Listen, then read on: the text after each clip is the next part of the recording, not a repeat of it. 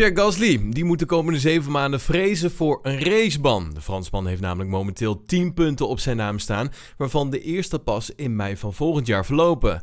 Bij 12 volgt er een schorsing voor één raceweekend.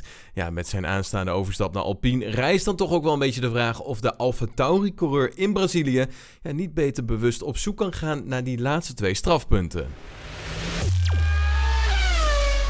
Het strafpuntensysteem in de Formule 1 werkt als volgt. Wanneer een coureur binnen 12 maanden 12 strafpunten op zijn racelicentie bij elkaar rijdt, wordt hij geschorst voor de eerstvolgende wedstrijd.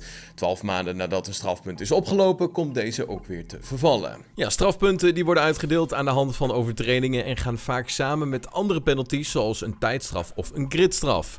Een licht vergrijp, bijvoorbeeld als je te vaak wijd gaat, kost een coureur doorgaans één strafpunt.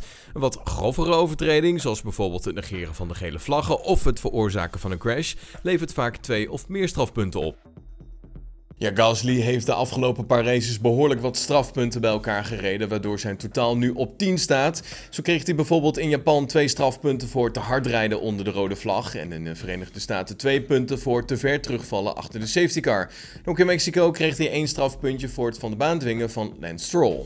De ellende voor de 26-jarige coureur is echter vooral dat zijn eerste strafpunten pas weer verlopen op 22 mei 2023. Wat betekent dat hij de laatste twee races van dit jaar en de eerste zeven races van volgend jaar maximaal maar één puntje mag verzamelen.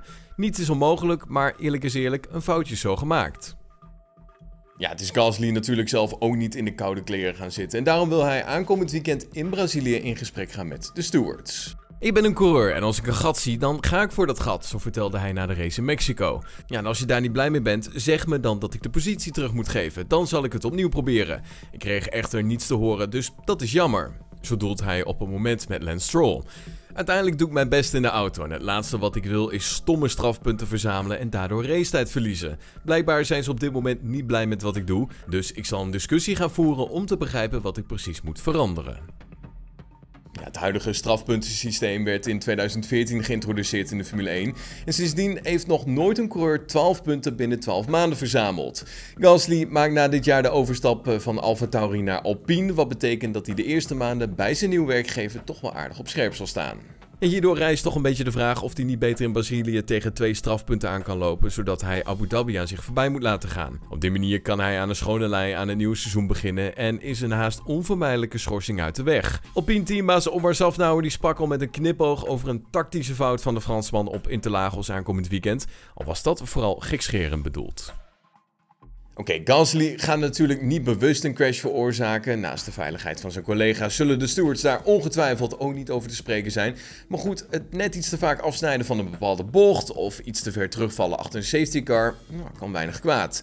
Het is overwegen wel waard, al weet je natuurlijk nooit hoe de wedstrijdleiding hier zal op reageren.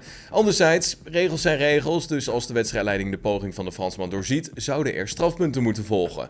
Maar dan is er natuurlijk ook nog het team van AlphaTauri, want ja, met twee races te gaan staat de rens op de negende plaats, maar wiskundig gezien is P6 nog haalbaar. Dus daar zullen ze uiteraard ook helemaal geen fan zijn van dat idee.